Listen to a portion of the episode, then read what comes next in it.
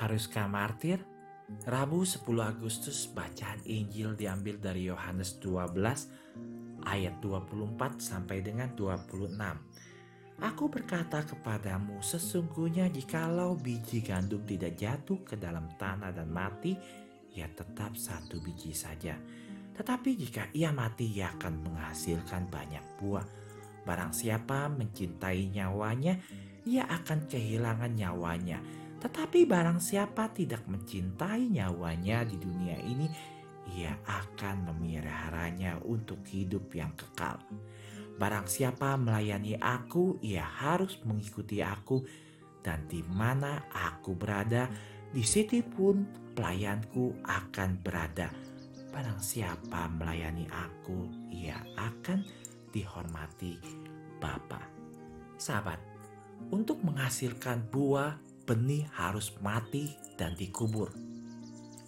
Murid-murid Yesus tidak pernah lupa bahwa hidup yang benar-benar adalah hidup yang kekal.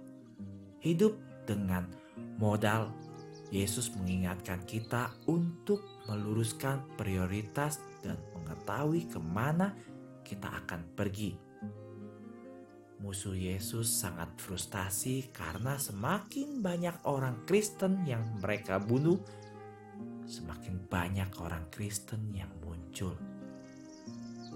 Gereja tidak pernah tumbuh lebih cepat daripada di masa penganiayaan.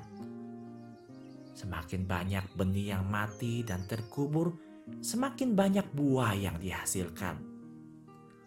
Orang-orang Romawi frustasi ketika mereka melemparkan orang-orang Kristen ke binatang buas di arena Colosseum dan mendengar mereka menyanyikan Mazmur.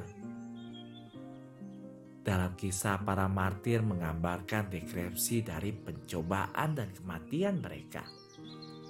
Mereka biasanya menggambarkan para martir sebagai orang yang tenang dan senang karena dianggap layak menumpahkan darah mereka bagi Kristus.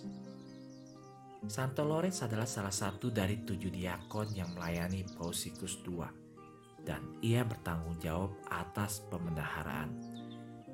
Kaisar Valerian menangkap paus dan diakennya semua. Dia membunuh mereka semua, kecuali Lawrence yang diperintahkan untuk menyerahkan kerajaan kekayaan. Jadi dia meminta tiga hari untuk mengumpulkan semuanya. Pada waktu itu dia menjual dan memberikan semuanya kepada orang miskin. Pada hari ketiga dia pergi ke prelaks ditemani oleh semua orang miskin dan sakit yang bisa dikumpulkannya dan berkata kepadanya, inilah adalah harta gereja Prefek sangat kecewa dan merasa tertipu.